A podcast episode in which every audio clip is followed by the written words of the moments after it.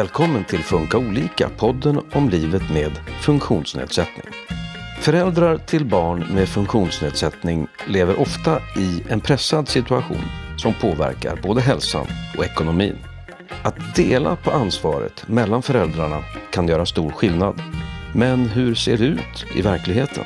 Det här eh, arbetet med att, att koordinera och samordna stöd för för barn och ungdomar med, med ADHD är något som framförallt mammor ägnar sig åt. Och det, det tänker vi speglar resten av samhället och att de här vanliga sysslorna som gäller att ta hand om barn och se till att barnen har rätt stöd och att de kommer iväg till skolan. Sådana här samordnande eh, uppgifter kring barnen är, sköts oftast av mödrar. Men eh, det kan ju också vara så att de här omsorgsstrukturerna man liksom kliver in i som förälder med ett barn med funktionsnedsättning fortfarande är lite så konservativa och lite och inte alls på samma sätt bjuder in papporna som man borde. Nu börjar vi en ny serie om att vara pappa till barn med funktionsnedsättningar. Jag heter Susanne Smedberg och eh, dagens gäster är Elina Renhorn, kurator som bland annat tittar på i vilken utsträckning kvinnor och män sökt stöd för sina barn som har funktionsnedsättning. Men först ska jag prata med Malin Ekman Aldén, generaldirektör på Myndigheten för delaktighet. Hej Malin! Hej! Myndigheten för delaktighet kartlägger ju levnadsvillkor för föräldrar till barn med funktionsnedsättning. Om man jämför med eh, andra föräldrar, vilka skulle du säga är de stora skillnaderna?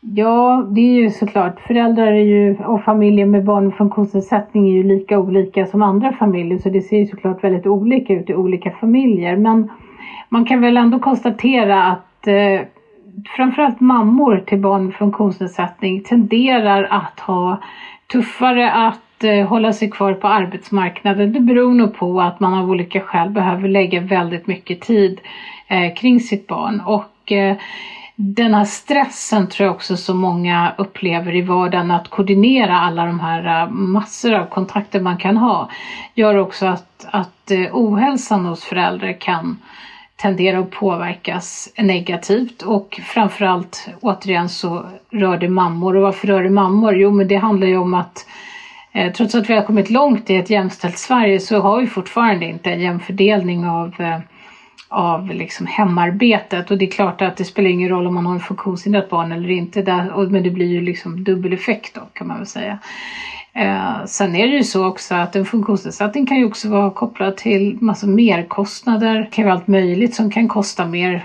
Specialkost. Eh, det kan också vara att man behöver eh, köpa olika hjälpmedel som inte ingår i utbudet från från regionen och sådär och det kan ju också vara en, en sak som inverkar negativt. Man kan nog säga att en hel del familjer eh, har, eh, har det tuffare ekonomiskt av de skälen. Men det finns också familjer som inte alls eh, är särskilt ekonomiskt utsatta utan eh, och det beror ju så helt på vem man är, vad barnet har för behov Eh, och också vad man har för arbete och så, hur, hur möjligt det här är att kombinera. Vi har pratat lite om eh, eh, att det påverkas ekonomi och eh, hälsa. Är det andra delar i livet som påverkas? Om man har ett barn med stora behov oavsett varför eh, påverkar ju familjen jättemycket och det, det blir liksom lite grann ett ett eh, annat sorts liv, eller jag ska uttrycka det. Och eh, det behöver ju verkligen inte vara negativt. Det finns ju fantastiskt mycket bra saker och man hittar nya sätt och, och, man kanske gör till mer saker tillsammans med familjen än man hade gjort annars och sådär. Och om vi går in lite på, vi har pratat om eh, att framförallt mammorna får det tufft. Hur ser det ut för papporna då om vi jämför Alltså jag tycker det är jättespännande att ni gör podd om det. Jag vet inte jättemycket om det. Jag tror att man har varit ganska fokuserad på, på kvinnor och det är ju därför att man vet att kvinnor tar i allmänhet och större eh, del av hemarbete och barn. Sådär. Och det, det blir ju liksom inte då... Och så tänker man att om man för över det och man har ett barn med funktionsnedsättning då som, där det är mer, ännu mer tidskrävande där så men eh, det kan ju också vara så att de här omsorgsstrukturerna man liksom kliver in i som förälder med ett barn med funktionsnedsättning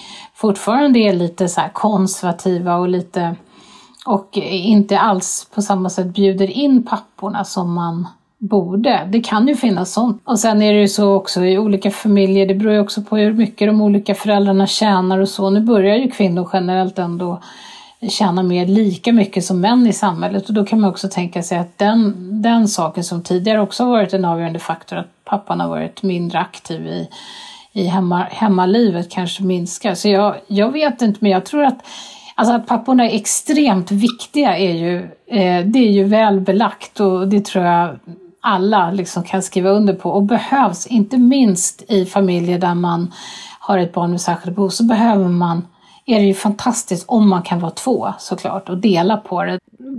Bland de här föräldrarna då som har barn med funktionsnedsättning, är det några grupper som är extra utsatta? Kan man säga vem som har det värst egentligen, men jag tror att eh, många föräldrar som har barn med eh, NPF-diagnoser, alltså ADHD, ADD, kanske eh, eller olika diagnoser inom autismspektrat som går i vanlig skola. Eh, jag tror många av dem har en, en ganska tuff situation och också kanske känner att det kan vara lite svårt att få ett bra stöd. Många mår ganska dåligt. Eh, det handlar inte bara om att det är svårt att akademiskt klara sig i skolan. Det kanske ibland kan vara det minsta problemet, utan många har en socialt utsatt situation. Man känner sig otrygg i skolan. Det finns ju en hel del barn som inte ens vill gå till skolan. Att vara en förälder i den här situationen eh, och också känna att man då kämpar mot man har ett barn som inte har det bra, man, man, det skär i hjärtat varje dag och dessutom känna att skolan inte riktigt har de resurser, de strukturer som skulle behövas. Eh, och dessutom är det lite svårt då som kanske förälder att få ett, ett stöd.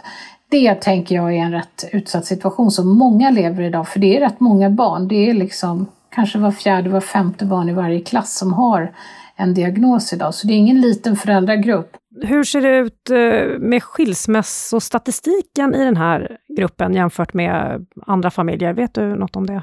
Nej, jag har inga statistiska, men jag tror att eh, bedömningen är att när en familj får en, en, hamnar i en utmanande situation och utmaningen för de här familjerna med barn med funktionsnedsättning, det är ju inte barnet, men det är ju det runt omkring. Alltså det är, det är väldigt mycket att hålla ordning på. Eh, det är väldigt lite som flyter, eh, upplever många och så. Det är klart att i en sån situation, oavsett vad den beror på, eh, så, så, så blir det väldigt krävande för, också för relationer. Det här med att det finns en viss ärftlighet när det gäller funktionsnedsättning, om en av föräldrarna har det, att barnet tenderar att få det också. Påverkar det den här familjesituationen något? Det Allmänna Barnhuset har gjort ett, ett jättefint och stort arbete kring, kring vårdnads tvister, alltså när, man, när en relation spricker och, och det blir eh, bråk kring situationen av något slag.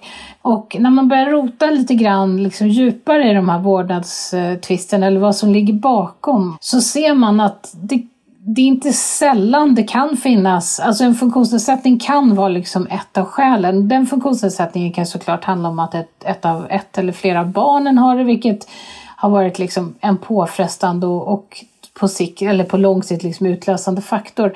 Men sen har man också sett att det kan också verkligen vara så att, att det här problemet och att det har blivit så tillspetsat kan bero på att en av föräldrarna också har, och då är den ofta ganska oupptäckt liksom, eh, problematik. Och den kan ju handla om en som man idag då hade eller diagnostiserat som en funktionsnedsättning. Alltså I den mån så kan man säga att det finns indikationer på att man borde mer också, när en familj får problem, att man borde också titta lite grann mer på, kan det vara så att en förälder också behöver stöd? Och om man eh, tänker stöd för eh, föräldrar oavsett eh, funktionsnedsättning eller inte, alltså om föräldern har det själv, vad behövs för att eh, underlätta för de här familjerna? Ja, ja, det är ju det är så himla individuellt såklart, för det är ju, eh, beror ju helt på vad man är i för situation och Eh, och om hur mycket pengar man har och allt det där. Men jag tänker att alla familjer behöver ju, man, alla, nästan alla föräldrar har ju i något läge när man får barn behov av någon form av föräldrastöd. Det är liksom inte så lätt. Och eh, för de här föräldrarna kanske det stödet behöver vara lite mer, det behöver vara längre och det kanske också bli, behöver bli mer eh, individualiserat. Och det, sen hur det där stödet ska se ut, det är ju helt olika beroende på hur stora bor man har, var man befinner sig. Men eh, att kunna få få tidigt stöd och att få bygga sitt självförtroende som förälder eh, och eh, tillsammans då med sitt barn. Det tycker jag är jätteviktigt och jag tror generellt också så att om man får ett barn med funktionsnedsättning så är det för många en rätt ny situation. Och det är också en viktig situation att få ett bra stöd i. Det är ju inte bara liksom bidrag och pengar man behöver, man behöver ju hitta eh, sätt att leva, att få acceptera, att, att liksom försöka få visioner för det här barnet som ser lite annorlunda ut än de förväntningar man hade när man tänkte att barnet inte skulle ha en funktionsnedsättning. Det är massa grejer. Och sen är det också ofta så tror jag att systemet är så väldigt fokuserat på barnet. Man kommer ganska snabbt in i, kanske man träffar mycket sjukvård, man kommer in i barnhabiliteringen. Och alla pratar om barnet. Och man som förälder är man lite bortglömd. Och det är ju inte bra. För att, föräldern, att föräldern mår bra och vet vad den vill och, och sådär är ju minst lika viktigt för barnet som att den får annan träning och stöd. Vi pratade tidigare så nämnde du också det här med ansvar, att det är mycket ansvar som vilar på föräldrarna eh, från skolans håll och eh, kontakt med många. Vad kan man göra där för att inte allt ska ligga på föräldrarna, tror du?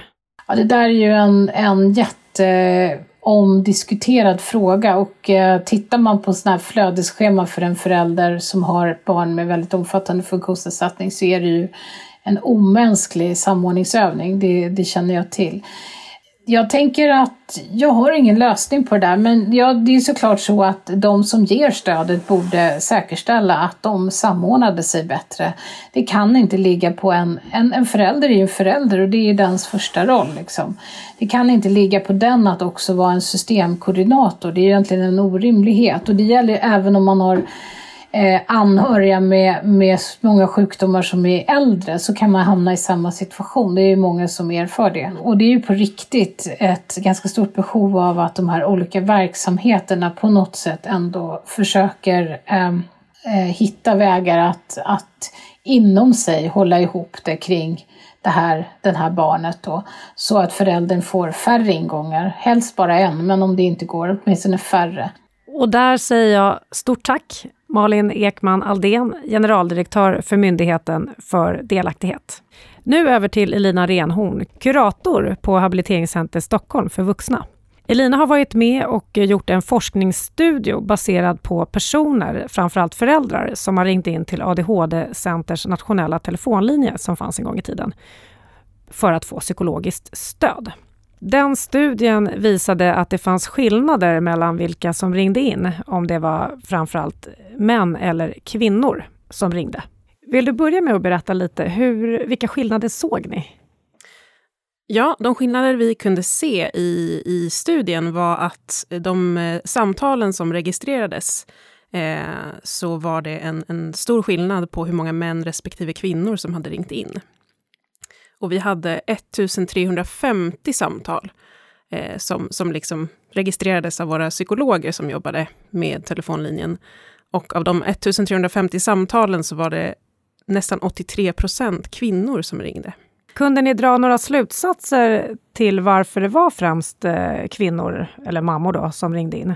Ja, eh, det vi framförallt eh, resonerade kring i, i artikelns diskussionsdel, eh, framförallt var att eh, det här arbetet med att, att koordinera och samordna stöd för, för barn och ungdomar med, med ADHD är något som framförallt mammor ägnar sig åt. Och det, det tänker vi speglar resten av samhället och att de här vanliga sysslorna som gäller att ta hand om barn och se till att barnen har rätt stöd och att de kommer iväg till skolan, sådana här samordnande Eh, uppgifter kring barnen är, sköts oftast av mödrar. Eh, så vi, vi, det var så vi resonerade lite i diskussionen. Stämmer det här resultatet överens med hur det ser ut eh, inom de, eller när det gäller de personer ni träffar inom habiliteringen i stort? Ja, det skulle jag säga att det stämmer nog bra, särskilt när det gäller just samordningen av, av insatser och hjälp till, till barn. Att det är oftast mödrar som står liksom i, i frontlinjen på något sätt och hjälper barn eh, att, att hitta rätt. Det gäller både barn som är minderåriga under 18 och även vuxna, vuxna barn så att säga. Eh, för att många, många barn som har fyllt 18 behöver fortfarande samma slags stöd av sina föräldrar. Och då ser vi att det, det, det är vanligast med, med mödrar som, som tar det här ansvaret. Är det ett problem att papporna inte tar ett lika stort eh, ansvar när det gäller den samordnade rollen? Eller är det liksom en eh, rimlig uppdelning? Jag skulle säga att det är ett problem. Eh, dels för att, att pappor är faktiskt viktiga personer för, för sina barn. Både för, för, för mindre barn och för, för vuxna barn med funktionsnedsättning. Och därför så, så tycker vi att det, det är viktigt att, att de faktiskt eh, kan ta mer av det här ansvaret.